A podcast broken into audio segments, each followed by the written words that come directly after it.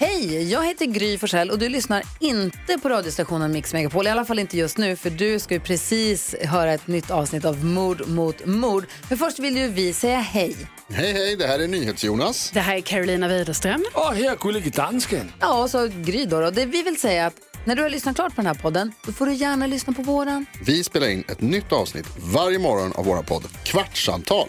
Och hela radioprogrammet blir ju också en podd om man är väldigt morgontrött eller så. Just det, om man missar morgonen ja. Men mest av allt så får du gärna lyssna på programmet i direktsändning varje morgon på Mix Megapol. Live varje morgon från klockan sex och då har vi med oss massor med vänner också. Thomas Bodström, Babben Larsson, Johan Pettersson, Krista Luuk. Massor med coola människor som bara dyker upp och gör livet bättre. Ja, som jag, Gullige Dansken. Exakt så. Och så mycket bra musik och annat skoj såklart. Så vi hörs när du vaknar på Mix Megapol. Radio play.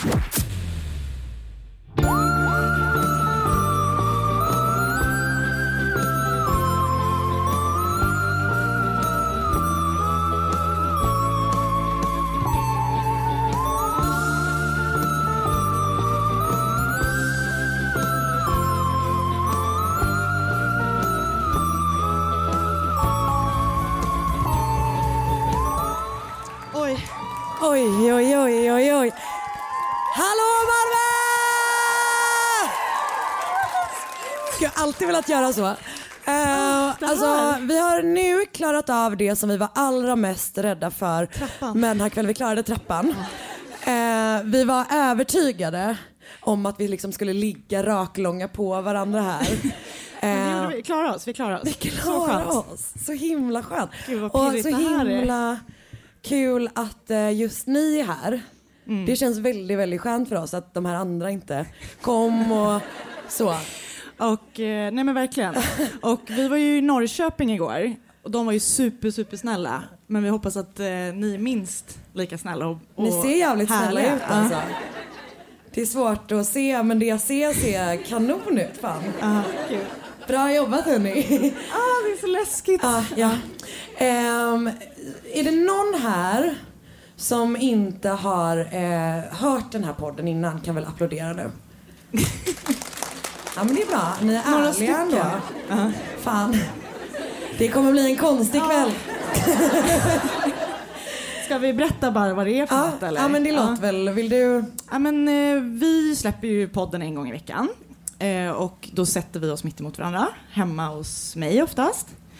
Och så, pratar vi, så berättar vi om varsitt fall för varandra. Ja, Och det är eh, inte grävande journalistik. det kan vi väl vara tydliga med. Det är inte P3 Historia. Nej, Ehm, eller P3 Historia. det är inte det heller. Det Nej. är heller inte Peter Dokumentär. P3 Dokumentär. Nej.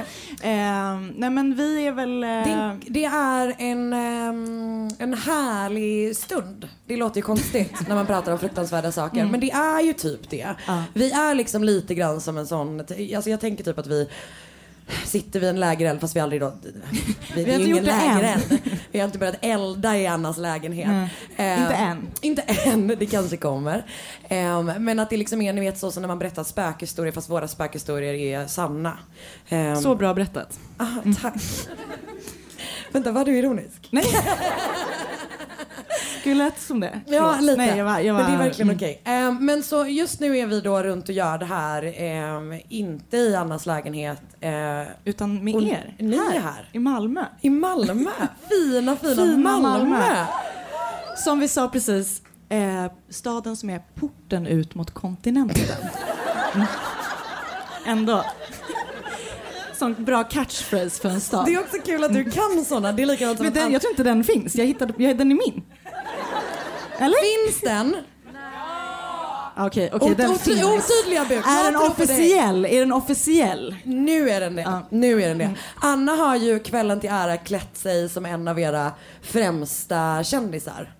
Saga Norén, Länskrim Malmö. Skinnbrallorna. Mm.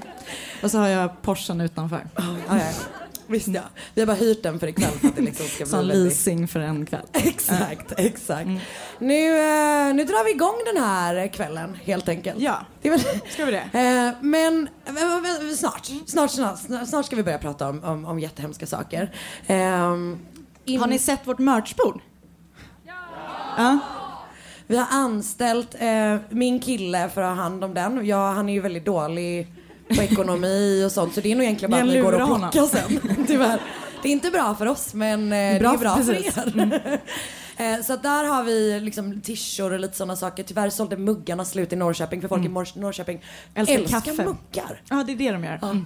Ah, nej, de, bry- de, har, alltså, de dricker ingenting Nej, den. det är bara Det är bara det att de gillar att ha en kopp i handen. Men de kommer tillbaka de kommer tillbaka. i något webbshopsformat. Ja, exakt. Så ni kommer också kunna ha era, era eh, koppar. Vi, Anna och jag pratade också här innan om att vi kanske typ skulle ta en så en, liksom en guidad tur fast vi guidar oss själva då till eh, tre olika viktiga punkter Just som vi ser just här just i. Malmö. Eh, och en var då eh, förstås Malmö sjukhus. Ja, Zlatan-statyn. Zlatan-statyn och sen så ska vi bara gå till Öresundsbron och leta efter ett lik en stund. Så att det, jag tycker ändå typ vi kan väl öppna upp det till en inbjudan. Ska ni med eller? Ja, ja. Lite lam reaktion. Ja. vi ser. Vi ser. vi ser hur det blir. Vi ser hur det blir. Det kommer finnas skinnbyxor att hyra här ute. Det är så så länge. Fan det är ju det vi ska Alla ska ha merch. gröna skinnbyxor. Tänk dig merch, skinnbyxor på rumpan. Mord mot mord. Så Det är precis, det är en sån next level eh, Big Brother-byxa. Just det, exakt. Men det är också så eh, kulturell appropriering Malmöpolisen. Så att vi får liksom, eh, vi får av, göra en avvägning där tror jag. Ehm, Ja, alltså nej. vi är ju, eh, som ni säkert har förstått, ni som lyssnar på podden då, inte ni andra, eh, otroligt eh, nervös för det här. Ja. Ni verkar väldigt snälla som sagt och det uppskattar vi verkligen. Eh, vi kommer, eh, det kommer bli en jättebra och läskig och förhoppningsvis också rolig kväll. Eh, som vi typ lika gärna kanske, Vi bara drar igång. fan vi drar igång. Ett poddtips från Podplay. I fallen jag aldrig glömmer djupdyker Hasse Aro i arbetet bakom några av Sveriges mest uppseendeväckande brottsutredningar. Går vi in med hemlig telefonavlyssning och, och då upplever vi att vi får en total förändring av hans beteende. Vad är det som händer nu? Vem är det som läcker? Och så säger han att jag är kriminell, jag har varit kriminell i hela mitt liv men att mörda ett barn, där går min gräns. Nya säsongen av Fallen jag aldrig glömmer på Podplay.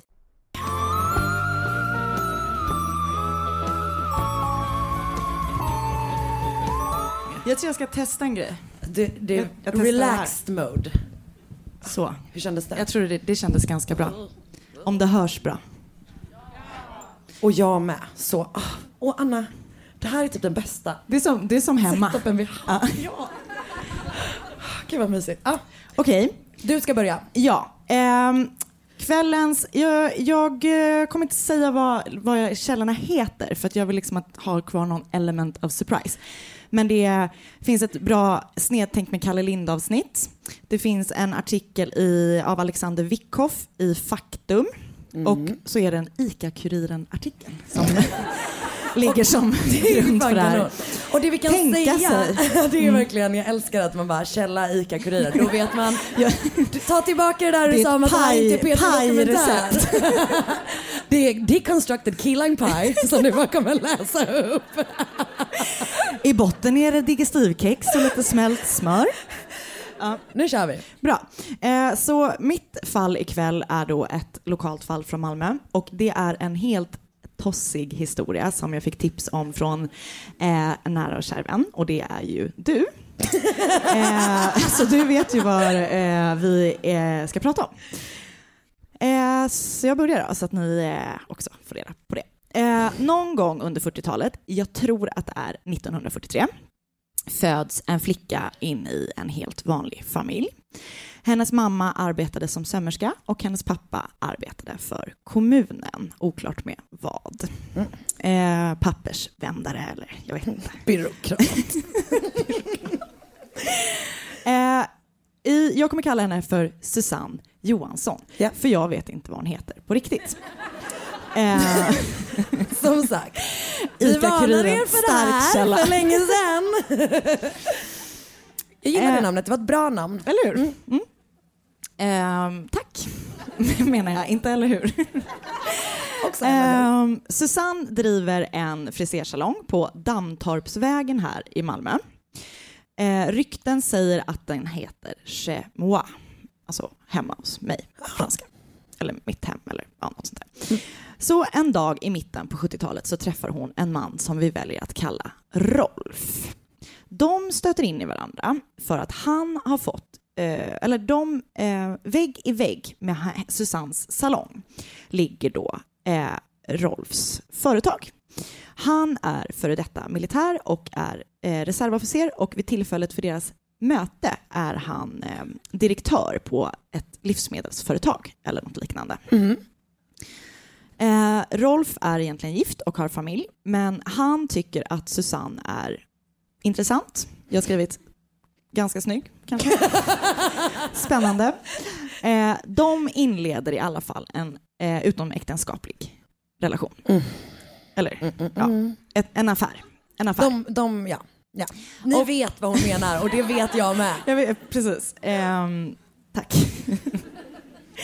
Eh, tillsammans så gör de sånt som man gör när man börjar träffas. Eh, de äter middag, går på bio, gör utflykter. Och eh, ganska snart så berättar Susanne för Rolf att hon egentligen inte är den som Rolf tror att hon är.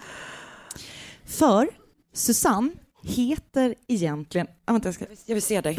Du, du har ett så fint face. Tack. Tack. Tack. Tack. Eh, ja. Eller hur? Eh, Okej, vad var jag? Nej, precis. Susanne är inte den Rolf tror att hon är. För Susanne heter egentligen Carmencita. Och hennes liv i Malmö, där hon driver den här frisersalongen och är liksom en helt vanlig kvinna, är en täckmantel. För egentligen så är Carmencita en del av den mycket kända familjen Rockefeller. Hon är eh, Rockefellers med su- super, superfinans... Eh, ja, ni vet. Ehm, hon själv är då brorsdotter till Nelson Rockefeller eh, som var en amerikansk politiker och som var eh, vicepresident till Gerald Ford. Men där slutar inte heller hennes kända förfäder. För att inte nog med att hon var då en Rockefeller, hon var också barnbarn till den japanska kejsaren Hirohito. Jag gillar henne redan. Ja men alltså tänk!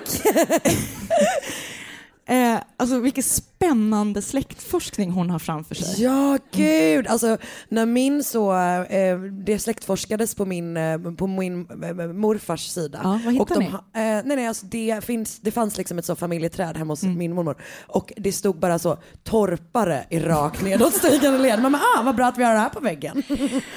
Icke att förakta torpare. nej, nej, alltså Nej. gud snälla. Ja, ja. The backbone Torpare of our society. Exakt. Men det är kanske inget man behöver häng- hänga på väggen eh, liksom så 40 gånger om. Man bara ja, ja, det, han är torpare också. Och så vidare, Ja, och så exakt. vidare. och så vidare. Så var det inte för Carmencita. Absolut inte. Men eh, Carmencita pratar ju ganska bred skånska. Och det förklarar hon med att hon har haft en skånsk eh, typ svenska lärare eller barnflicka som liten. Så det är därför hon pratar flytande skånska. Eh, Carmencita berättar då att anledningen till att hon lever i täckmantel i Malmö är för att hon egentligen är gift med en amerikansk läkare som heter Ted Capelin. Och eh, Carmencita vill lämna honom, men hon får riktigt, inte riktigt. Det är lite oklart varför hon måste leva i, under skyddad liksom, identitet i Just det. Malmö. Eh, men det är då liksom därför. Ted Capelin, hennes exman, hon gömmer sig för honom.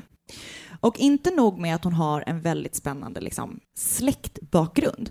Hon är alltså sjukt eh, välutbildad. Alltså hon, har, hon är verkligen en... Eh, hon har allt. Hon har levt. Nej, men hon, har, och, ja, hon har levt och hon har Allt. allt. För hon är eh, diplomat. Hon är faktiskt eh, guvernör i Kalifornien. Nej. Det är Som egentligen rent officiellt Ronald Reagan som är det vid tillfället. Ah, men hon är lite egentligen så är det hon som styr. Just det, hon är bara så upptagen med att eh, etablera sin frisörsalong i. Malmö. Sen ska hon Jajamän. Mm. rakt tillbaka och så ska Reagan få åka Ja. på semester. Ja, Jag fattar. Hon är ett medicinskt geni hon är eh, hjärn och hjärtkirurg. Tog båda? Båda. eh, hon har bland annat eh, hon har gjort mycket hjärnkirurgi på framstående ledare i världen. Eh, hon är hon kan mycket om cancer. Hon är också cancerläkare. Just det. Eh, det är faktiskt så att hon en gång själv haft bröstcancer. Opererade sig själv? Opererat sig själv. Eh, men tack vare behandlingar, hennes behandlingar, specialbehandlingar, så växte bröstet ut igen. Helt fantastiskt. Men gud, också vilket as man är om man har den grejen men inte säger det till Inte någon annan. sig. Nej. Det är helt Nej, stört. du behöver inte det där bröstet. Du klarar dig med ett. Men Eh, men det är helt, Åh, helt gud. fantastiskt. jag är så glad att du berättar det här för mig. Hon, hon eh, har varit förlovad med eh, John F Kennedy. Ja. Hon var faktiskt med den dagen som han blev skjuten och Vad försökte då? operera honom. Men det gick ju inte. Hon kunde inte rädda honom. Det är kul att man tänker att hon liksom låg i bakluckan på bilen. Typ. Det är så jag tänker att man opererar. Vad var sparken? Eh, nej, nej, när hon öppnar bakluckan. Ja, ja. Ehm, nej precis, hon kunde inte rädda honom i alla fall, tyvärr. Gud. Någonstans måste även Carmencitas kunskaper ta Jag slut. menar det. Mm. Och det var tyvärr där. Eh, och hon var typ, vid tillfället som han blev skjuten så var, eh, det här borde jag ju verkligen ha kollat upp. Eh, Hon var ett litet barn. Nej hon var inte ett barn, men hon var ung. Alltså hon var nog liksom för ung för att ha lärt sig, att, eller vara utbildad kirurg. Just det. och, För att hon är ung också när eh, hon träffar eh, Rolf. Hon ja, är typ 28. 30 Ja, exakt. Jag menar det. Så att eh, hon är ju way ahead. Fan, alla man oss. undrar ju Alla vad oss. Rolf tyckte. Han är så imponerad. Mm. Ehm, med sig till Malmö så har hon då sin bror Bing Rockefeller. Eh, Bing är en eh, alltså sjukt högt uppsatt general. Något som Rolf då som är reservofficer tycker är pretty cool. Eh, Rolf eh, tycker generellt att det är så här nice med fina titlar. Eh, och eh, han har ju liksom träffat någon slags jackpot här i hans eh, tjej Carmencita och hennes bror Bing. Eh, Carmencita har också med sig två eh, livvakter till Malmö. För hon behöver ju skydd. Lite som när vi reste med Oscar och låtsades att han Säpo. var från Säpo. Oscar är inte bara eh, runner, han är också Säpo-vakt på Ja. den här Ja, vi har köpt en liten sån som man kan ha i örat. Så vi ska se very important. Very important people. Han Ja. sitter alltid bakom oss på tåget. Och även, vi tvingar honom att gå lite bakom oss med som Säpo. Nej det gör vi Nej, inte. Oscar nej. går bredvid. Han går bredvid.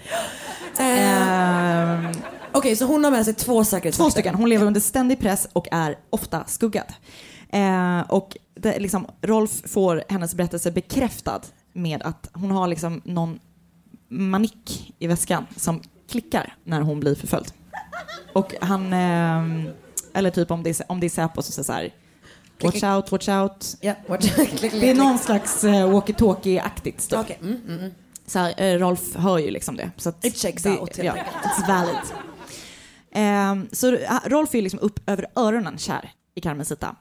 Och även han och Bing blir goda vänner. Och eh, Rolf tar med dem liksom in i eh, militärsfären här i, i, i Skåne. Ehm, så de hänger med liksom andra högt uppsatta militärer. Så här. Alla, alla är jättefascinerade av Alltså det hade man ju själv både Bing och Carmencita Ja.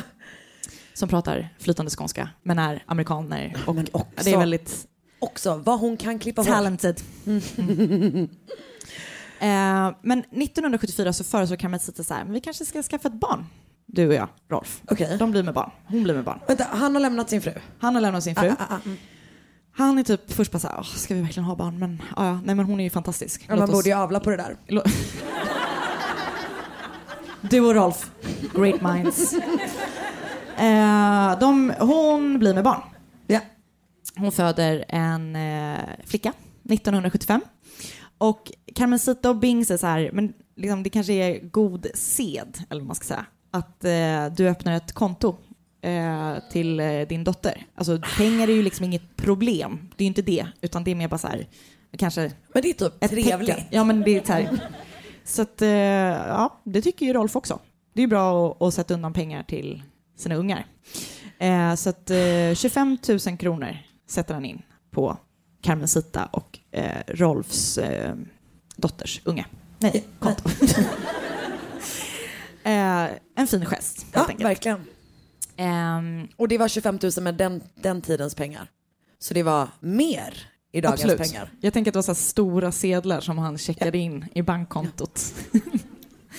Ehm, ja, men eh, så de har skaffat ett barn, de har minglat mycket så här i de här kretsarna, alla älskar Carmencita och Bing, tycker det är spännande, de bidrar ju liksom, alltså de, de, de för ju in något nytt i eh, eh, militärkretsarna i. Skåne. En, en helt annan världs, alltså världsvana. Hon kan liksom så visa upp sitt utväxta bröst och alla bara Ser precis ut som, ett, som ditt gamla. Ehm, men ju längre tiden går så, så märker Rolf att så här, Carmencita och Bing drar sig undan lite. Alltså typ hon kommer med så här, olika anledningar eh, som är så här, helt rimliga varför hon inte kan ses. En gång är hon blind. en gång eh, är hon förlamad. En gång är hon både och och då fick Rolf köra henne solglasögonprydd runt i rullstol på någon så här eh, militärkonvent typ. Men hon botade sig själv från det här också. Ja. Du, jag älskar henne. Det är helt, eh, helt otroligt faktiskt. Ja. Eh, men så träffar Carmencita en domare från Jönköping som vi kallar för Bertil. Och Carmencita blir eh, förtjust i Bertil. Man vet ju de är de där domarna från Jönköping. Verkligen. Ehm, och Bertil blir såklart förtjust i Carmencita också.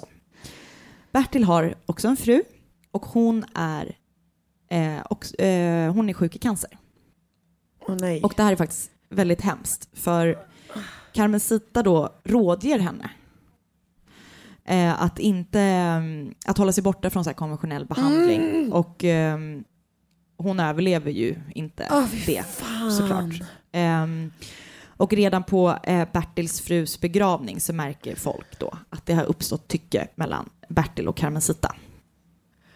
Eh, så himla hemskt. Ehm, Ja men också, det är ju den, alltså så här, för det där läser man ju, eller typ läser man historier om ibland, typ folk som tar sig de friheterna. Mm. Gjorde något så, ah, skitsamma. Eh, och just att man liksom verkligen så här, man bara, okej men alltså du kan ju hålla på och ljuga och vara galen på din egen jävla tid. Mm, men inte precis. Men det är just man bara, låt Bertils fru gå till läkaren, Carmencita. 100 procent. Ja, fy fan. Ehm, men så då är Bertil enkling och eh, han inleder en relation med Carmencita. Och Carmencita berättar då ingenting för Rolf. Utan Rolf eh, får reda på att Carmencita har träffat en ny eh, genom en annons i tidningen. Där Carmencita utlyser sin och Bertils Nej. förlovning. Gud, så önskar man att man får göra slut någon gång. Ska jag någon gång Akta dumpa Marcus. Då kommer det vara via annons. Det kommer ni veta. Åh, gud. Fy fan, Alltså så hemskt. Som är fruktansvärt beteende. Eh, ja. Det är så... Ja, ja förlåt. Ehm, ja, så att nu när Carmencita har dumpat Rolf så börjar han bli lite så här, se på det kanske lite mer nyktert och bara så här, vad fan, vem är hon? Vad liksom, vad är det jag har, vad är det som har hänt? Ja. Ehm, och det, det här, antingen så är det liksom bara Rolf eller så är det också Bertils familj som också är bara så här, vem är den här kvinnan i alla fall? Rolf eh, utvärderar då alla historier som Carmen Sita har berättat och han tänker så här, det är något som inte stämmer. Du vet, bara, ah, bara en grej Rolf. Det var det där med bröstet. verkligen. Det måste varit det. Nej men så han eh, kopplar in polisen. Och sen börjar hela historien. Eh, Rullas upp. rullas upp. Tack. Så vem är då Carmen Sita egentligen? Ja men hon, Carmen Jag gör mig Sita redo. då, eller Susanne, eller vad hon nu heter. Eh, föddes ju då, som vi sa, i början av 40-talet. Har en helt vanlig uppväxt. Går ut med så här, medelmåttiga betyg. När hon fortfarande är väldigt ung så träffar hon en man. De gifter sig, lever tillsammans i typ åtta år. Och tillsammans skaffar de två barn innan de gift, eh, går skilda vägar. Strax efter att de har separerat så träffar hon en ny man, Åke. Åke är också från Skåne, eh, någon mindre ort någonstans i krokarna. Även han har två barn och de då blir kära och inleder en relation. Susanne är frisör och Åke är kock. Men han har drömmar om att öppna en egen restaurang. De har inga pengar, han är dömd för checkbedrägeri. De, har liksom, de sitter där med fyra barn, har typ ett ganska trist liv. Ah. Och sen så helt plötsligt så bara blir de Carmencita och Bing.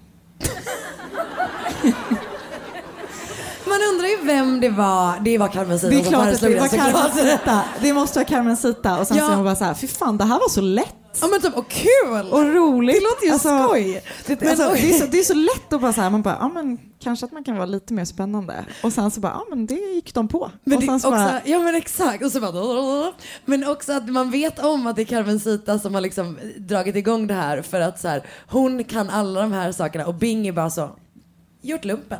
Det var typ det. han, är, han är ju superhögt uppsatt. Han har gjort lumpen. Men det, det är därför alltså, typ, jämför. jag tänker att ingen så här vågar ifrågasätta honom för att han har, han har så fyra stjärnor, vad det nu betyder. Han är högt uppsatt. Eh, så att jag tänker att alla är bara så här, oh. För det tänker jag också eftersom de hängde så mycket med andra militärer och han var liksom kock. Ingen som genomskådar. Alltså ingen. Det är Och så sjukt! de typ så här, kanske in, typ, är, Åke pratar typ inte så bra engelska egentligen. Så att han kanske säger något lite så här haltande på engelska. Så byter snabbt över till Just det, nu kan vi åka för Bing. ja. Hässleholmska. Jag måste ställa Mm. om i mitt huvud. Ja. Mm.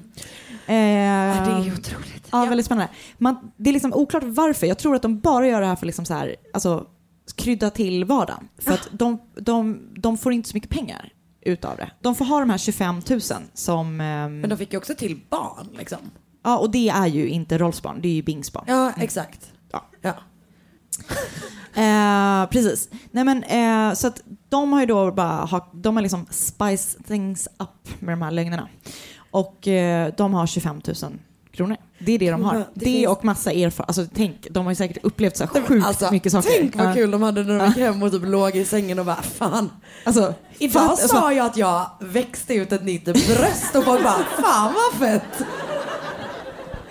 Det är det. Alltså jag tänker så här. Jag är typ avundsjuk på de är här gränslösa ja, människorna. Tänk att liksom folk går på. Ehm, ja men så polisen då börjar gräva det här och bara okej men det här är ju, först de bara så här, det här är för konstigt. Det måste vara Rolf som ljuger. Alltså det kan typ inte, det här kan inte ha hänt. Men stackars Rolf. alltså. Ehm, Gud.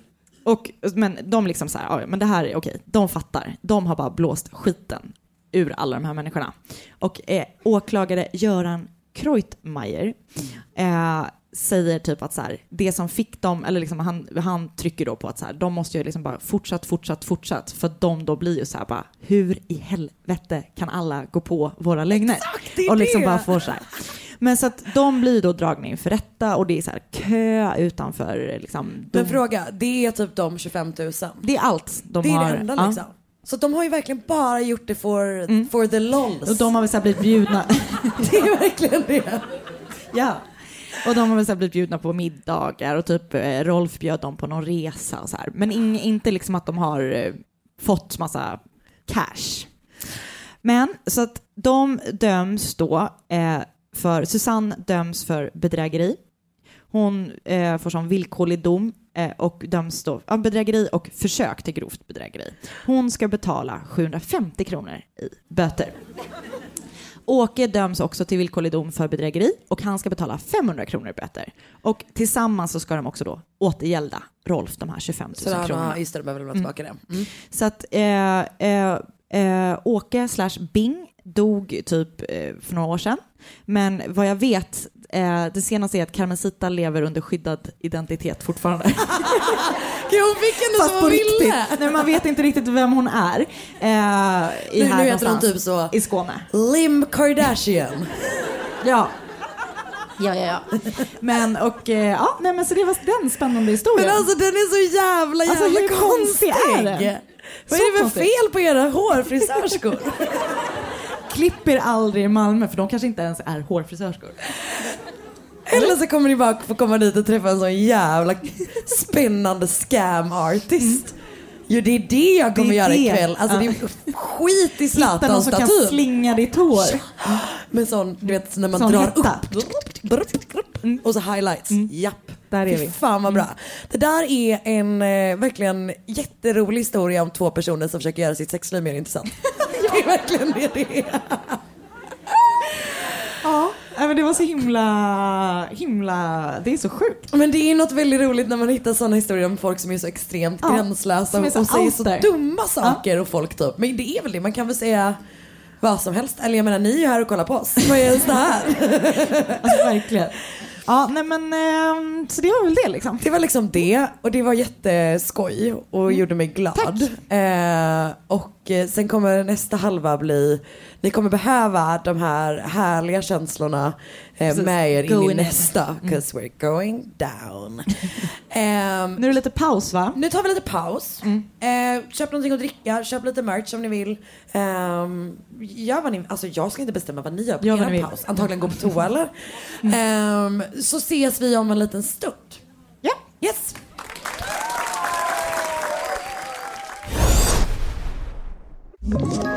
Ett poddtips från Podplay.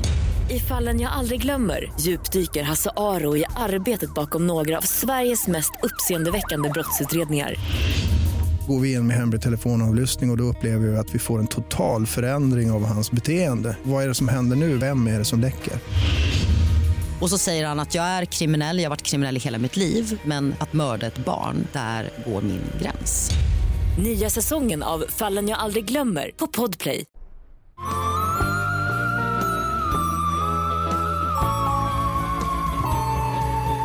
Jag ska då berätta en jävla historia nu. Och jag ber om ursäkt för att jag nu kommer kanske eventuellt sabba er lördagkväll. Men ni visste ju, åtminstone vissa av er, vad ni gav in på. Och till er andra, ni har dåliga kompisar, vad ska jag göra? Okej, så natten till den 28 april 1908 så vaknar Joe Maxson av att det luktar rök i hans sovrum på andra våningen av en liten gård i LaPorte, Indiana, USA. All right. Han springer till sovrumsdörren, som, alltså han springer ut ur sitt rum till sovrumsdörren som tillhör kvinnan som äger den här gården. Eh, där hon och hennes eh, barn sover och bara så här bankar på den, försöker komma in. Okej. Nej.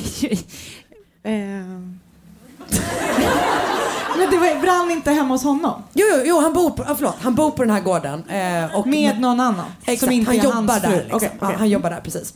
Så han eh, springer till den här sovrumsdörren, försöker få upp den för att liksom, se till att de kommer ut för att det brinner i huset. Mm. Men den är låst.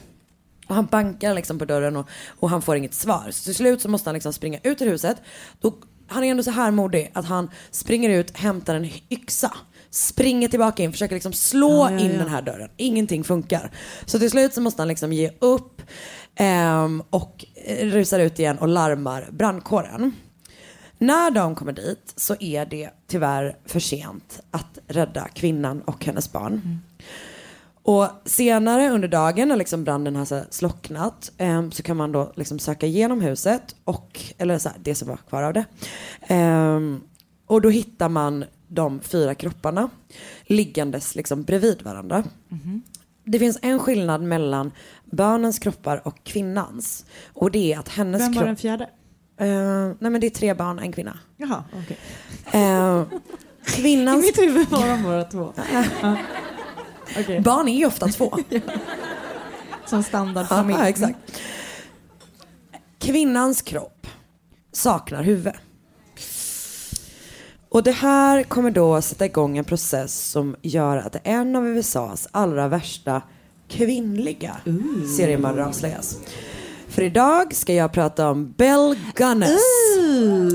Norskan som blev svart änka, styckmördare och försvann. Eller? Eller?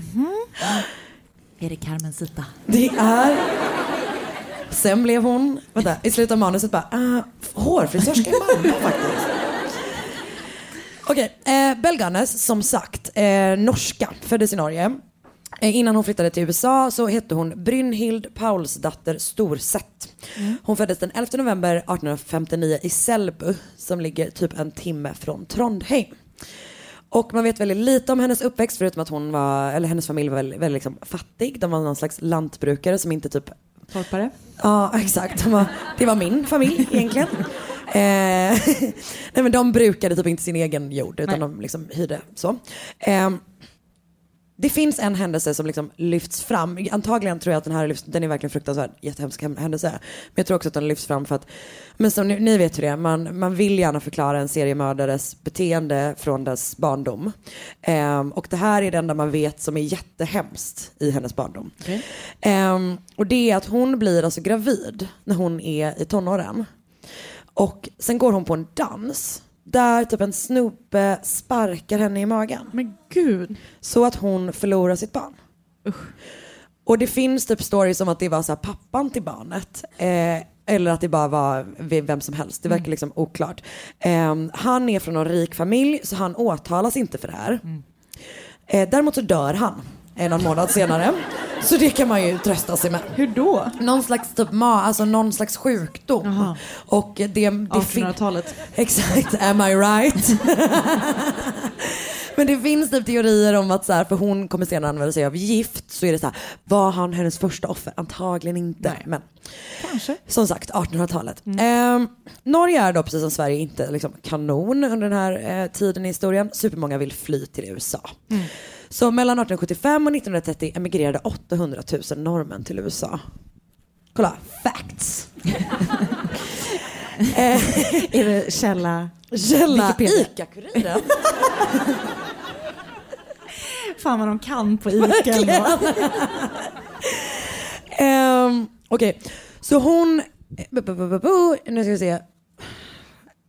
Nu kom- 800 000. Från, eh, 800 000, från och med nu kommer jag kalla henne för Bell, inte Brynhild. Eh, för jag förvirrade mig själv när jag skrev det här och det blev väldigt snurrigt alltihopa.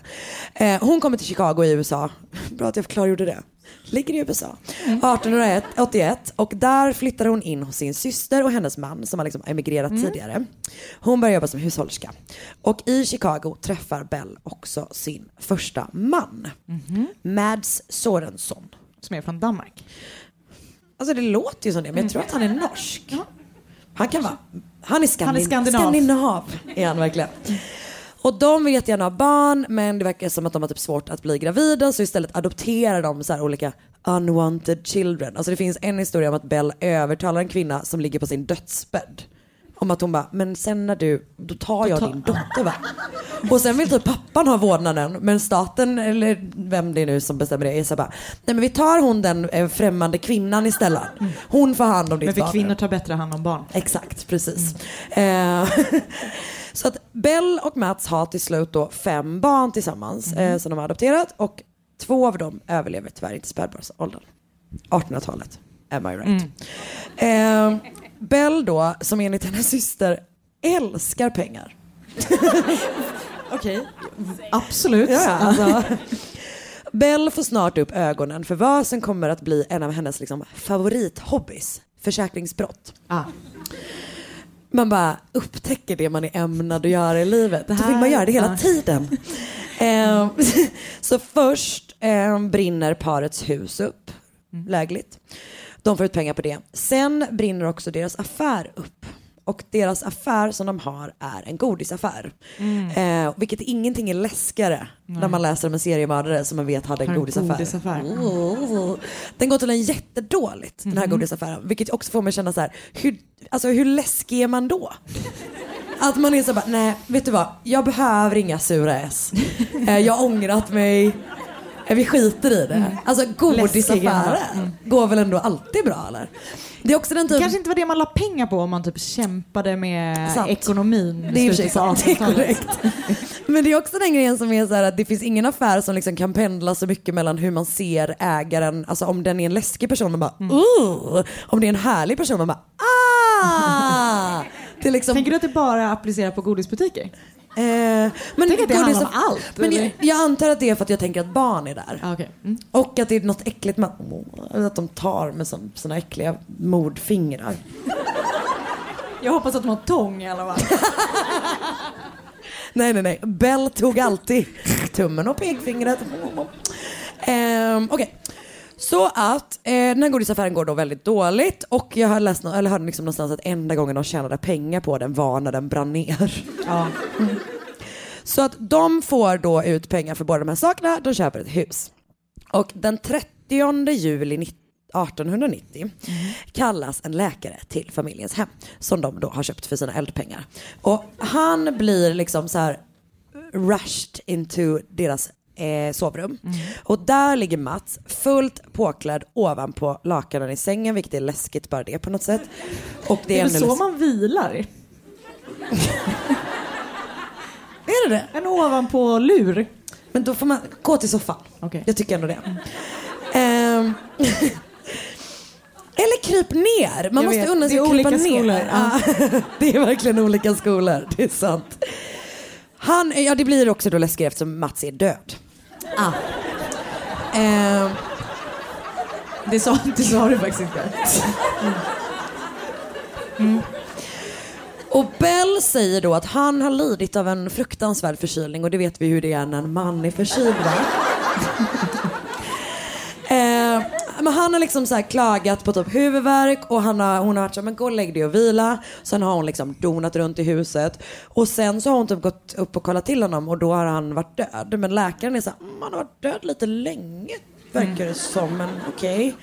Så att rättsläkaren har misstankar om att Mats har dött av förgiftning.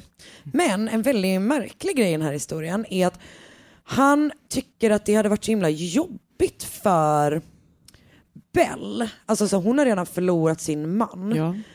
Det hade varit ännu jobbigare om hon visste att han hade blivit mördad. Så han bara, ah, det var hjärnblödning. Är det med det? Det var inte en förkylning? Nej det var inte en förkylning, det var en hjärnblödning. Okej. Eh, det är verkligen, verkligen speciellt hanterat. Ja, Han ändå vaggade in henne i sån riktig bomulls... Enormt empatisk. Mm. Ja, det var intressant hantering. Mm, eller hur? Det kommer några fler sådana. Ehm, om vi nu adderar ett faktum som kanske rättsläkaren inte, det vet vi inte, han kanske inte visste det. Men det som är grejen är att Mats dör den enda dagen då hans gamla livförsäkring och hans nya livförsäkring Aj, aj, aj. överlappar. Fan. Det Alltså, var ju ändå coincidence. Ja, det är verkligen coincidence. Ehm, så att hon får liksom ut dubbla livförsäkringar på honom. Det var ju förstås, vilket är alltid de här, vad den här typen av personer gör. Det var ju hon som bara, ska du inte skaffa en till livförsäkring då? Alltså hon hade ju liksom uppmuntrat honom att göra det. Och Jag nu, tänker att det borde finnas någon sån, eh, att det borde vara reglerat av försäkringsbolagen. Ja, Att man inte kan ha två. Försäkringskassan. Eh, ja, nej men exakt, verkligen. Eh, de kanske gör det nu, det vet vi inte. Hur som helst. 1800-talet. 1800-talet. Ehm, hon får 5 000 dollar för det. Det är i dagens pengavärde ungefär 145 000 dollar. Okej. Det är fan bra pengar för att ens man har fått en hjärnblödning. Hon köper då en gård i LaPorte, Indiana och det är då den gården som lite drygt 18 år senare kommer brinna ner. Just det. Jag har fler saker jag kommer säga innan dess, ni behöver inte oroa er, men så var det klart. Ehm, det händer ganska mycket. Eh, hon flyttar dit, ganska direkt så träffar Bell änklingen Peter Gunnes. Och han hade ett barn från sitt tidigare äktenskap. Bell har tre, tror jag, kan vara fyra, lite otydligt. Eh, men de har hittat namn på är Jenny, ehm, som är hon flickan som hon fick för att hon övertalade mamman på hennes dödsbädd.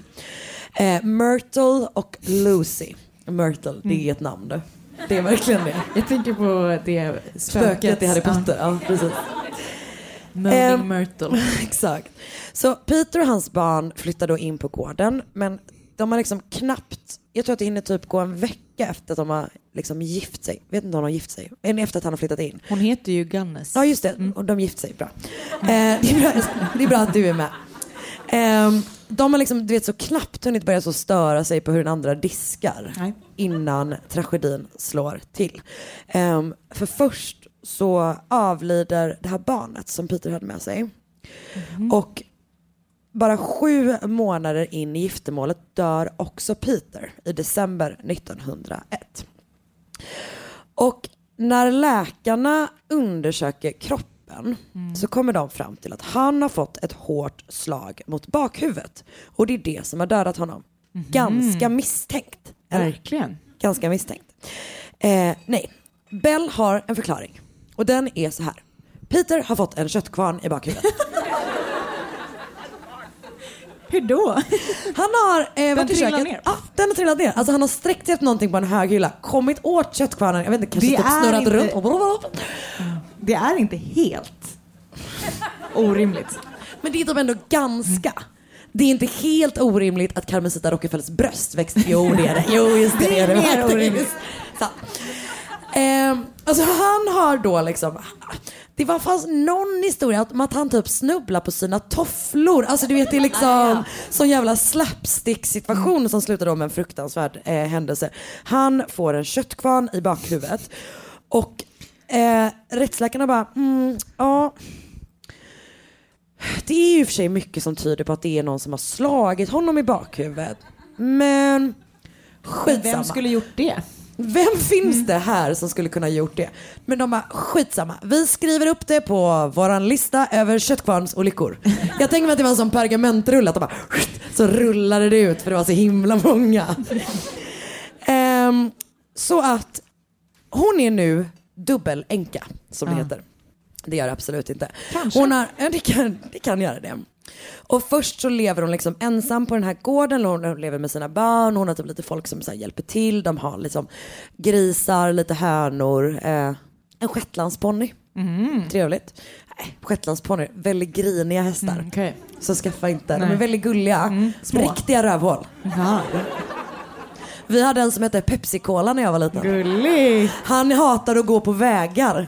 Och jag var kanske typ så sex. Så att Pepsi Cola ville bara gå i dikena. Så att det var bara att han, man liksom försökte få honom att gå på en väg och sen hoppade han ner i dikena. Oh.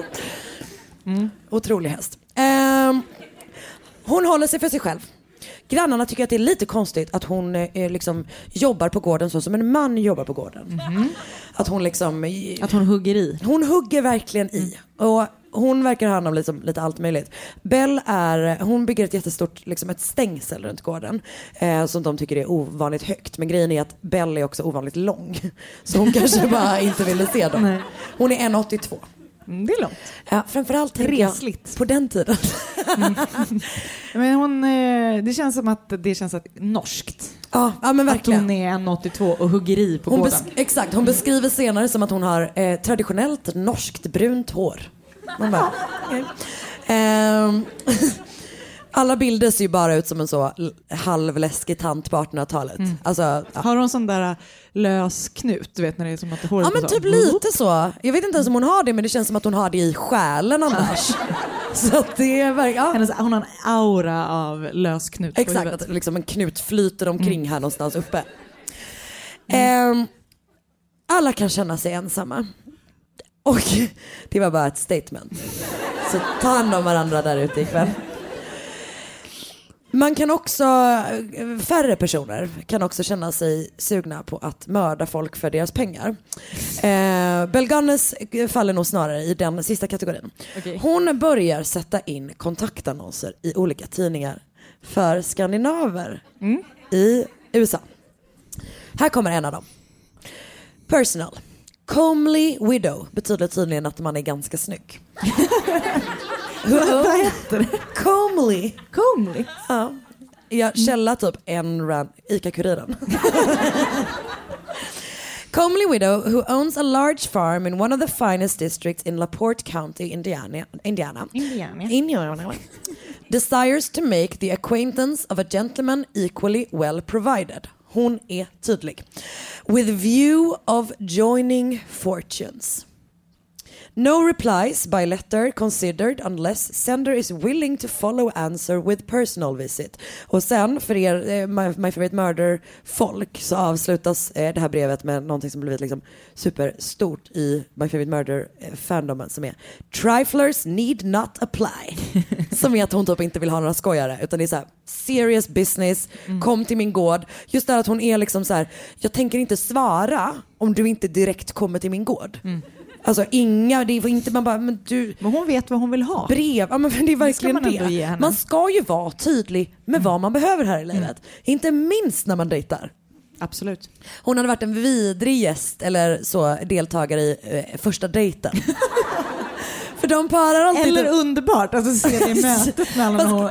jag, jag tänker att hade varit är att så här, eh, för att de parar alltid, det är ju typ bland det mest rörande med första dejten, det otroliga SVT-programmet, eh, är ju när de parar ihop en äldre man som har förlorat sin fru med en, med en Mm. äldre kvinna som har förlorat sin man. Alltså det är liksom Det är fantastiskt. men så därför tänker jag att hon hade liksom så kört över någon stackars enkeman och hade varit så bara mm, Visa mig ditt bankkonto.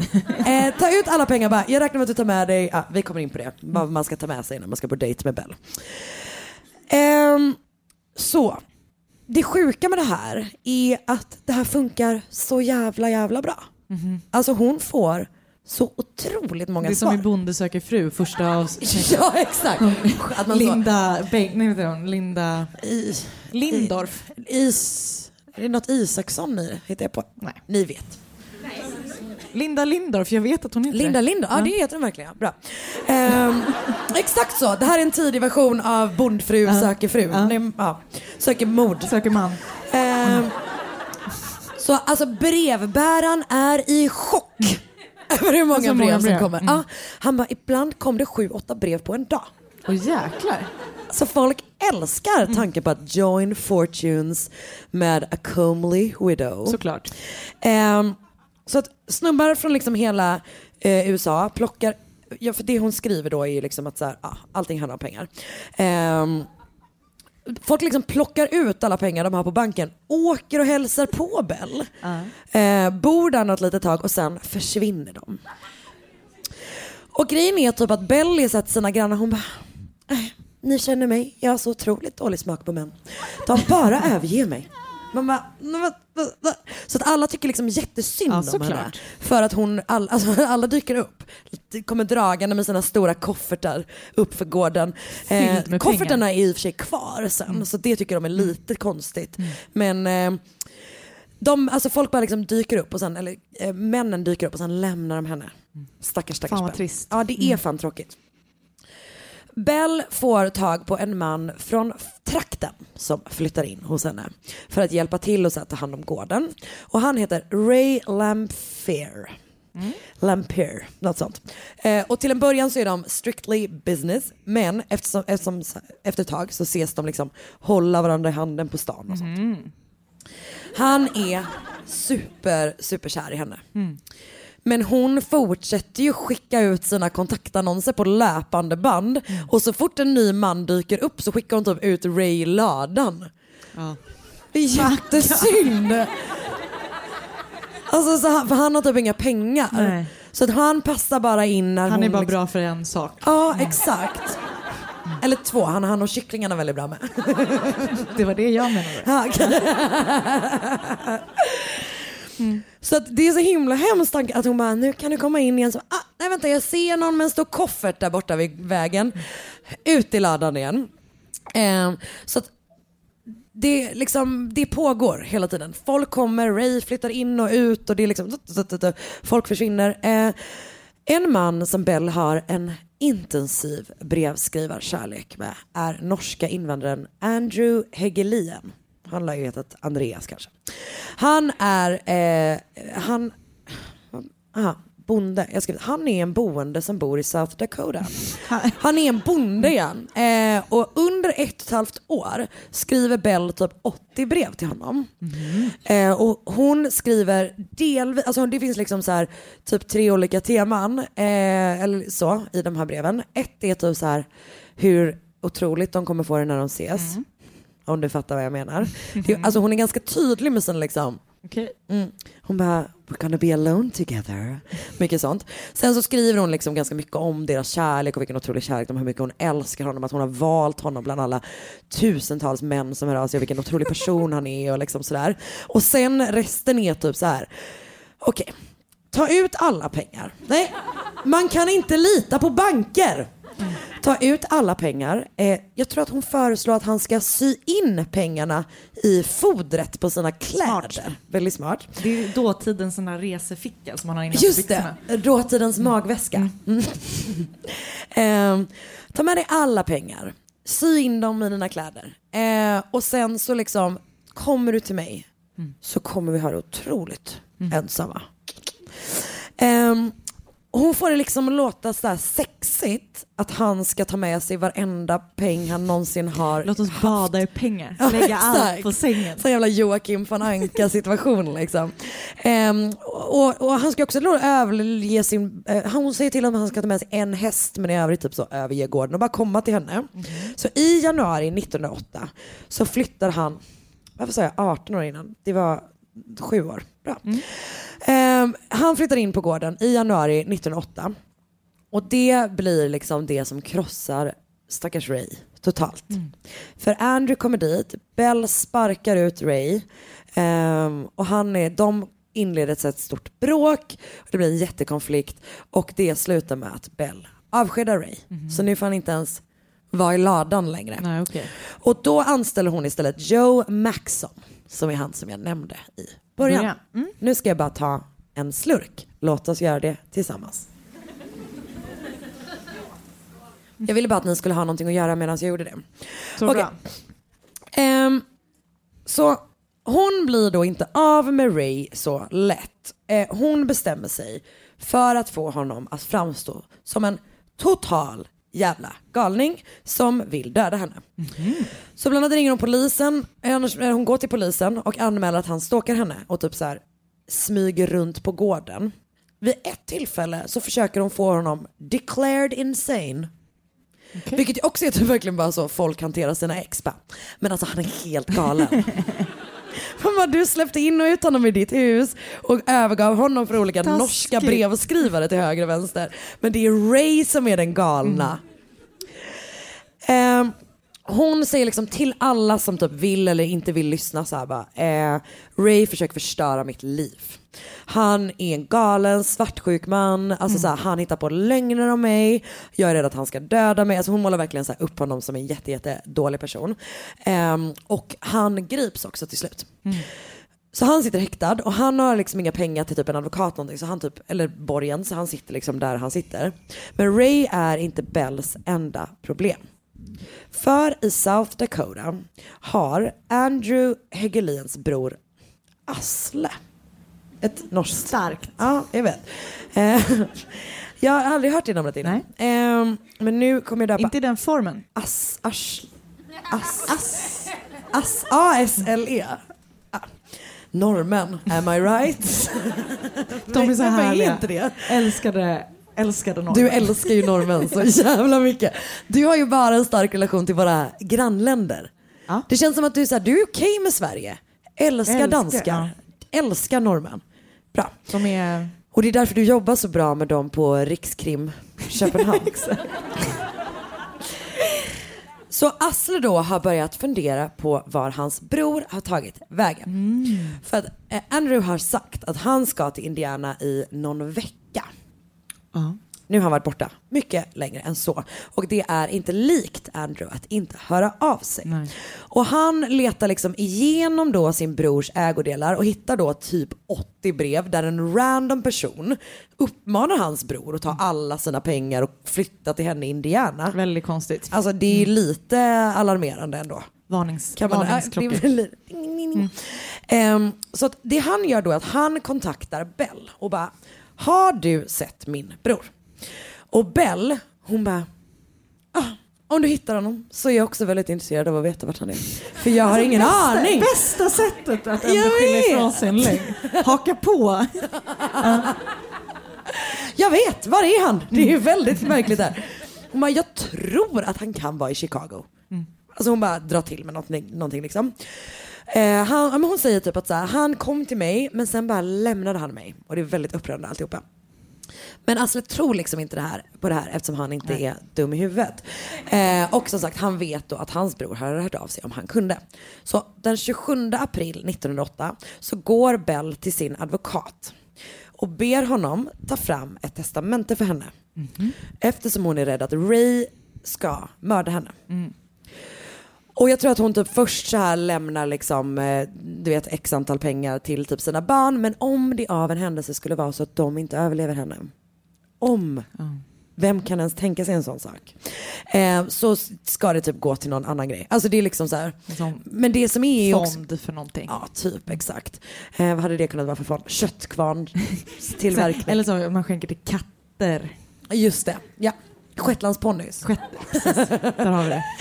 Ehm, så att hon säger liksom, det hon ordnar med sitt testamente och, hon, och eh, hennes advokat är typ lite grann så här, han bara, okej men jag skulle typ behöva kolla upp några grejer först, typ, eh, kan vi ta det här eh, imorgon eller du vet så, och hon bara, nej, det här måste ske idag, inte alls misstänksamt, bra. Ehm, sen så åker hon och handlar mat till en stor middag och köper även två stora flaskor fotogen.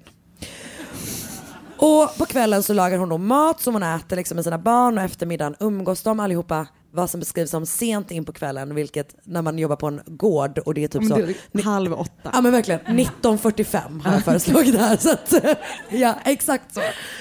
Eh, Man ska ju upp i ottan och mjölka korna. Ja men precis, exakt. Eh, så morgonen efter så vaknar då Joe Maxon av att det brinner. Så, nu är vi tillbaka där vi började. Skönt va? Eh, dagen efter branden så hittar man då som sagt, samma dag kanske, eh, fyra kroppar. Och det ehm, är då, hon har uppenbarligen tre barn. Hon måste ha fått ett till barn någonstans ifrån, man vet inte riktigt. Hon hade ju minst Ja, jag tre. vet, men mm, jag vet. Ja. Men vi kommer, jag, ni kommer förstå varför som Mm. jag inte får det här att gå ihop. Vi kan försöka lösa matten sen på vägen, på Ja. promenaden till Zlatanstatyn. Ehm, Räkneexempel.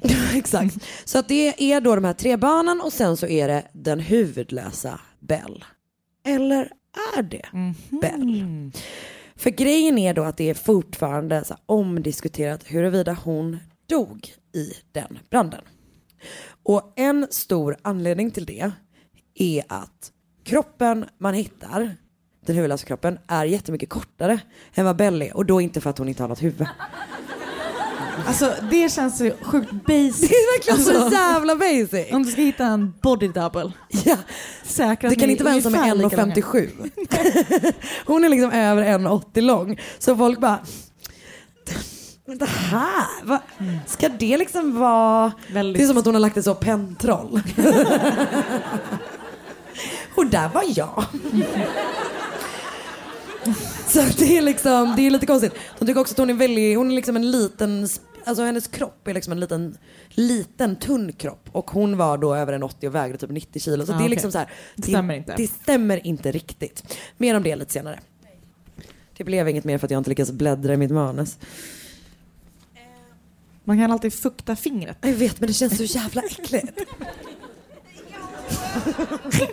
jag vill inte, jag vill inte det göra det Det är framför nästan dem. samma nivå som att göra så på någons ansikte. Oh, Som är så oh. omtänksamt. Mm. Nu hittade du rätt sida. Ja, nu hittar jag rätt sida. Oj. Gud, det läcker från våran hink. Det är kondens. Mm. Eller något. Science. Det är så Big Bang Theory. Det är verkligen det har jag lärt mig från Big Bang Theory.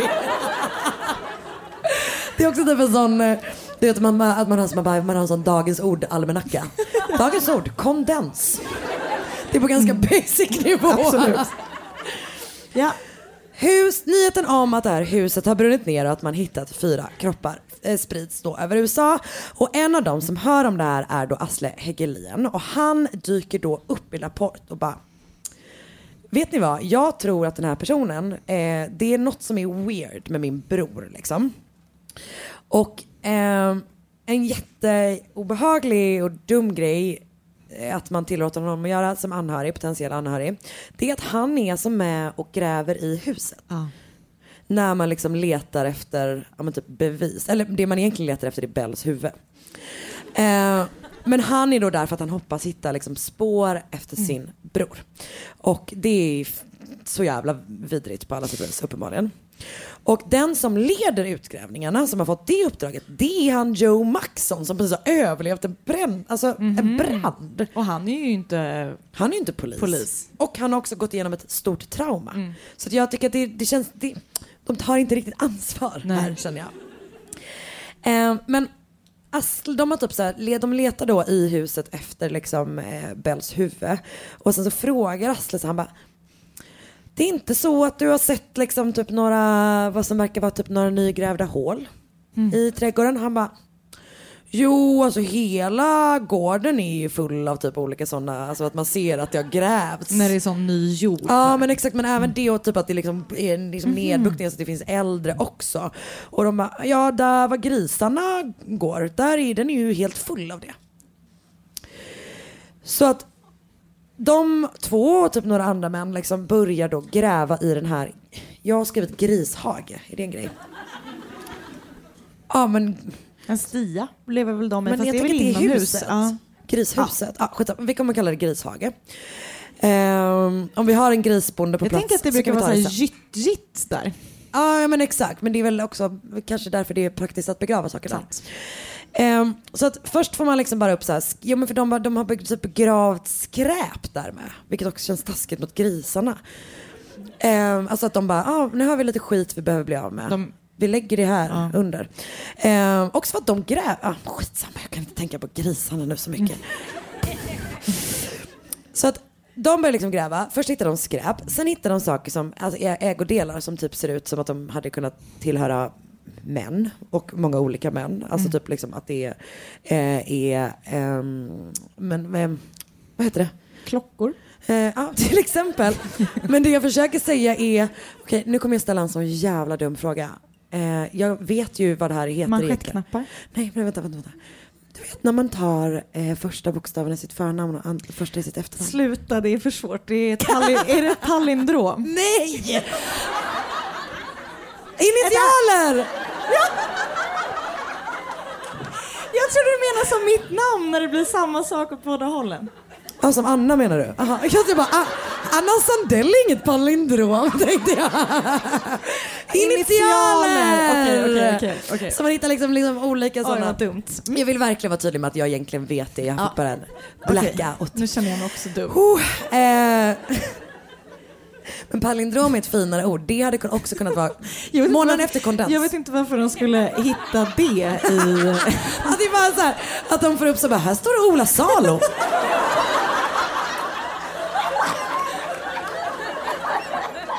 Det är så typiskt manligt. Så att ja, Ni vet ju killar, de älskar ju palindrom.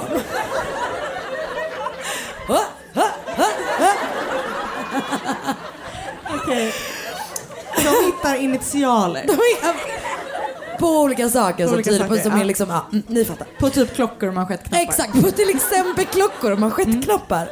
Ehm, nu kommer det bli hemskt. Så nu, eh, nu släpper vi den goda stämningen och går över till en hemsk. Så att man börjar gräva och sen så efter ett tag så stöter man liksom i en så här jutesäck. Och man får upp den säcken och när man öppnar den så känner man liksom en lukt. Ehm, och i den så hittar man två händer, två fötter och ett huvud. Och det är då Andrews Nej. huvud. Och det är så jävla hemskt. Alltså att man bara... Man, man tänker också att de gubbarna var inte så superbra på att typ vara support. Alltså du vet så här. Nej. De bara, då gräver vi vidare. Ja, exakt, verkligen.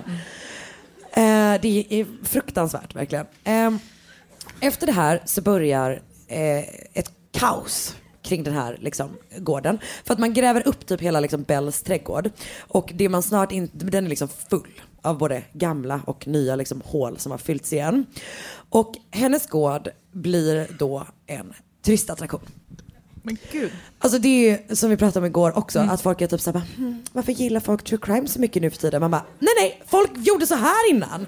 De bara, nej men, de har hittat kroppar på en gård. Fan ska inte vi, åka dit? Vi åker dit. Alltså det är så jävla jävla grovt. Så att alla tåg till Laporte är liksom fullbokade av folk som ska gå och kolla på liksom the murder house. Nej, det är inget bra. Och folk börjar liksom sälja souvenirer. Vadå? Vad sålde Ja de? men delvis så sålde de saker från huset men jag tänker mig att de typ var så här, att de sålde t-shirtar och sånt. Nej. Vad hade det, Det kunnat de vara? Att inte. det var typ så här, ja, aj gud, jag får panik. Ehm, så att folk liksom verkligen slår mynt om man säger. Folk, eh, det finns matförsäljare. Vilket är exakt där man liksom så, man vill. Jag tänker att de gör såna där kanderade äpplen. Eh, ja men delvis så är det typ lite glass och popcorn och sånt. Men de har också, börjar också sälja Gunness Stew. Inte, inte kul. Nej men det är liksom inte okej. Vad är det för fel på de här människorna? Det kommer under en helg 20 000 personer dit. Jävlar. Grejen är att under tiden så pågår då utgrävningen. Så att hela tiden är det liksom så att man letar efter kroppsdelar. Medan det står alltså, tus, tiotusentals personer och kollar på. Det är så jävla grovt. Och man kommer då gräva upp liksom likdelar efter likdelar efter likdelar i den här grishagen och även andra delar av gården. Första dagen hittar man fem kroppar. Andra dagen hittar man fyra till. Och till slut så landar man då i att på gården har åtminstone 14 människor mördats, styckats och begravts. Men man tror att det är många, många fler. Ehm, kanske så många som 42. Oj. Och hon har då varit aktiv, alltså om man liksom börjar räkna med typ när hon började mörda sina män, typ Mm. under så 15, 20 år. Och hon mördar ju då de här männen som kommer dit uppenbarligen, men hon mördar också typ så här du vet kvinnor, alltså liksom det är, hon mördar Mm. höger och vänster för att hon är en sån person som mördar för att typ för sin egen vinning bara Ja. liksom. Ehm, och typ för att komma undan med sina mord. Mm. Så att bland annat så hittar man också hennes eh, dotter, Nej. Jenny där. Och eh, hon har då sagt till grannarna att Jenny är, har börjat på college eh, i Kalifornien. Mhm. Men det som har hänt är då att Jenny har liksom börjat så här hon bara, mamma, varför försvinner så mycket män mitt i natten från vår... Alltså du vet att hon har börjat liksom ifrågasätta. Eh, och då har hon helt enkelt gjort sig av med henne. Gud vad hemskt. Ja, det är så vidrigt. Ja. Så den här nyheten blir liksom jätte, jättestor. Sprider sig över landet, man pratar om så Belganes Death Garden och hennes, du vet, The Horror Farm och Mm. sånt där. Och det eh, gör då att fler och fler kommer fram och berättar om sina upplevelser med Mhm. Belganes. Bland annat så är det en snubbe som berättar att han eh, tog med sig sina pengar, åkte dit. Mm. Första natten vaknar han av att Bell står vid hans säng och kollar på honom med en hammare i handen. Och han bara, vad gör du? Hon bara, ingenting. Så går hon. Och sen så bara, så fort hon har dragit, han bara kastar sig ut och drar fan, därifrån. vad liksom. Ja, också bara den grejen, du vet man bara säger nej du hade varit supermördad. Du klarade dig, hurra. Ehm, och det är ju liksom jättemånga som kommer fram och typ så här, vi tror att våra släktingar har åkt till, till, eh, till Bell och eh, så här, man har, för vi har aldrig hört av dem igen och hon brukade också vara typ så här, hon, kanske om någon hörde av sig, vilket var fler som gjorde så var hon så här, i och med att det var så mycket typ norska invandrare så hon bara, jag tror han åkte till Norge. Alltså det är liksom, det är, så, det är fan, det är tidigt 1900-tal, det var, inte så, det var inte så lätt att kontrollera vart folk var tänker jag. Det var inte så, find your iPhone, eller vad säger jag? Um, Okej, det är jättesvårt att identifiera de döda. Um, de man verkar identifiera, liksom några namn som finns, är Ole B. Budsberg från Iola, Wisconsin, Thomas Lindboe från Chicago, Henrik Gurholt från Scandinavia? Wisconsin. Gur, Gurholt. Gud. Saknar Håkan Juholt. Han var en jävla legend. Han gjorde vad han ville. Eh, Olof Svenherud från Chicago, John Moe från Elbow Lake, Minnesota, Olof Lindblom från Wisconsin och då Andrew Hegelien. Och det är många fler, liksom. det finns jättemånga namn men det har varit jättesvårt att liksom, bekräfta vilka som är. Så grejen är då att Ray har ju suttit häktad innan. Eh, och eftersom Bell har sagt hela tiden så här, han kommer mörda mig. Eh, så blir han då, då nu också häktad för den här mordbranden. Typ direkt efter att det har skett. Nu delar sig liksom, för, för först har man ju har då media och typ liksom alla i stan och sånt varit så helt på Bells sida. Att man bara, "Gud, hon har blivit utsatt för den här fruktansvärda saken av den här svartsjuka onda mannen. Eh, och allting är liksom jätte, jättehemskt.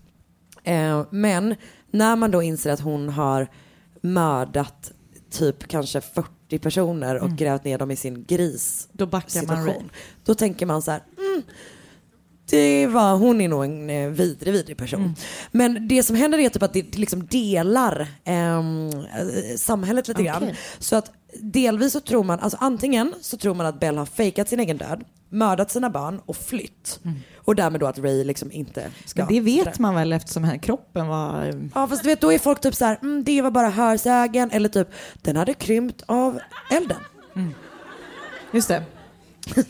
Jag vet väldigt lite om vad som händer med kropp i eld. Förutom ja, kremering. Men det, ja, det finns ju de som har det, Ja, krympta huvuden och sånt. Ja men och jag tänker typ så här, du vet hon, Maria Kirsch krympte ju sin eh, makes huvud i ugnen till exempel. Var en liten fakta. Kul på fest. eh, Okej, så att antingen tror man då att som sagt att hon har fejkat och sådär. Eh, eller så tror man att Ray har då legat bakom äggbranden, att han är liksom den här svartsjuka personen och att han eh, åtminstone hjälpt till. Eller på egen hand har mördat personerna på, för att han har ju bott där, han har ju bott på gården liksom. Så att till slut blir det då rättegång. Jag läste också, eller hörde någonstans att det liksom är så här, att det blev en sån för att det var typ valår och att det liksom delade sig på demokrater och republikaner typ vad man tyckte. Jag vet inte vem som tyckte det var, det är inte tydligt på något sätt vilken Nej. sida man Men ska det kan ta ha i varit den. så. Ja exakt. Till slut blir det rättegång och Ray döms då mot sitt nekande till 20 års fängelse för mordbrand. Men han blir sjuk och dör typ ett år efter att han dömts. Inte som jag har skrivit i mitt manus. Dör typ ett år efter att han dött. Nej, Eh, det går inte. jag skrev det här med sista med det här manuset liggandes i på hotellet i Malmö och hade så jävla mysigt att det började- blev liksom att jag låg i sängen. Inte ovanpå, hade krypit ner. Mm. Eh, jag blev uppenbarligen lite slapp på slutet. Eh, men innan han då dör så ska han ha berättat en och annan intressant grej. Delvis till sin, ehm, den som han delar cell med, men också typ att han, typ har, alltså han träffar en präst på slutet. Ingenting är bekräftat, men det här är liksom så som det sägs. Kör. Och han ska bland annat ha, sagt att han såg hur Bell mördade Andrew Hegelien. Att hon styckade honom med en yxa och att det var så hon brukade liksom hantera sina offer. Han ska också sagt att hon använt liksom kloroform på sina barn eh, innan och sen, alltså att de har varit liksom avtuppade innan och då tänt eld på det här huset. Och där kan han ha liksom varit inblandad. Mm. Och nu till den kanske typ mest spännande grejen som är att han säger då, alltså att Bell fejkade sin egen död.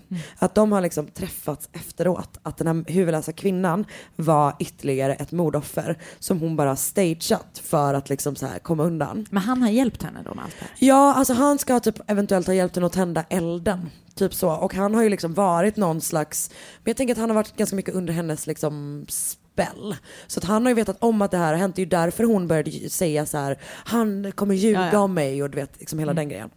Att hon började liksom svartmåla honom innan han han berätta vad hon faktiskt höll på med. Eh, och det är liksom en kvinna då som har arbetat på den här gården som Bell har halshuggit och slängt eh, hennes huvud i en sjö. Och han då som säger att hon har kommit undan, hon är vid liv, att han bara hon är närmare än vad vi tror. Typ. Och det som hon ska ha varit hennes grej då är att hon har när folk har kommit till henne eh, förgiftat dem. Alltså typ att hon har börjat så här, typ ofta första dagen folk har dykt upp så har hon liksom lagt om det är arsenik eller vad det är, i typ drickan, eh, någon dricka som de fick, eh, till middagen. Och, då, då, och sen har hon slagit, för det, det är ju det, alltså giftmord, klassiskt kvinn, kvinnligt ju. Ehm, klassisk grej som tjejer håller på med. Men hon har också typ använt trubbigt våld mot typ bakhuvudet. Kanske Känner igen. köttkvarn. Ehm, och sen har hon också styckat om. Så det är ju liksom de aspekterna med typ. Och hon har också, alltså man har sett henne ganska många gånger, alltså folk har trott att de har sett henne ganska många gånger efter det här. Och till en början är det verkligen typ såhär, Hur har hon ändrat sin stil undrar man? Liksom, vad kan, hon släppte man ut håret från knuten. Ehm, jag vet, jag, nej. Nej. för att grejen är typ att hon inte. hade men för det- i början så verkar det typ som att hon har setts typ vid huset, typ så stå i skogen och bara kolla. Med någon, någon, det är nog vet att det är med en blond man. Det är den jag vet. Eh, men folk har, säger ju då att hon har sett det. Men det gör ju folk alltid också i sådana här händelser. Jag tror tusen procent att hon fejkade sin egen död. Absolut, och Alltså- till Norge igen. Ja, kanske tillbaka till Norge. Också typ så här, för det finns typ en grej som är så här, ja, men hon hade 700 dollar på sitt bankkonto så att hon har inte rört det. Men hon tvingade ju alla snubbar som kom dit att ta med sig cash. Så att hon, och, och hon trodde ju inte på banker heller. Så, att, ehm, så att jag tror, alltså jag tror verkligen, verkligen att det här, är- det här är liksom inte en person som typ så slutar om hon kan komma undan. Nej. Alltså hon tycker att hon är skitsmart. Och uppenbarligen Var hon ju det? men väldigt dum. Vill vi vara tydliga med. Ehm, Och det är liksom historien om um, Bell Gunness. Om man vill veta mer så finns det jättebra avsnitt av uh, All, All Killa No Filla. Som är en härlig podd. Ehm, och det finns en jättebra long read på Mental Floss som heter Corpses in the Pig Pen. The Tale of Indianas Most Notorious Serial Killer. Dum, dum, dum. Så det där var historien om Bell Gunness som brukar kallas the female, vad heter han, black bear, beard, blue beard, han piraten. Man bara, mm, vi behöver typ uppdatera era referenser för att ingen vet vad det här betyder längre. Väldigt Eh, spännande. Ja men hon Tack är ju, hon är ju berättade. intressant. Det var, ja. Och väldigt, väldigt obehaglig. Och eh, alltså, kvinnliga seriemördare i allmänhet är ju, ja. Men jag kan också typ gilla ett försäkringsbedrägeri, jag tycker det är intressant. Det är det. Alltså det låter ju inte jättesexigt. det låter, men det har vi pratat om förut, det låter ju mycket mer sexigt på engelska att det är så här, jag sysslar med fraud. Än att det är... Carmen Zita Rockefeller sysslade med fraud. Inte Inga så bedrägerier. försäkringsbedrägeri att man satte sig på glasögonen men man låtsas att de har eh, att det har hänt något annat. Så man får ut dem för försäkringen. Är det här en historia från ditt eget liv? Nej. Sätt fast henne! Men eh, ja, nej, väldigt spännande. Ja, vad bra, tack snälla. Och det var väl allt egentligen Ja. för eh, ikväll. Ja, exakt. Ehm, vi kommer göra så nu att vi, ehm, vi har inte blivit några divor än, så vi kommer ställa oss och sälja merch. Så om man vill ha en Eh, t-shirt. så om man vill ha en t-shirt eller vill säga hej eller så, så kan man eh, göra det. Ehm, och sen så vill vi bara jätte, jätte, jättemycket tacka för att ni har kommit hit idag eh, och för att ni lyssnar. Det betyder jättemycket. Verkligen. Vi är blown away, men det vet ni sen innan. Ehm, Ja, är det det är väl det. är det det? Har vi, Tack har vi något snälla mer? för ikväll. Har ni något ni vill? Någon som vill lyfta något precis Nu kommer vi köra open mic här. Eh, till Babels stora glädje så kommer det pågå till klockan 03 i natt. så ta med dig din dikt och kom! Nej, men tack så Tack så jättemycket för mycket. ikväll hörni.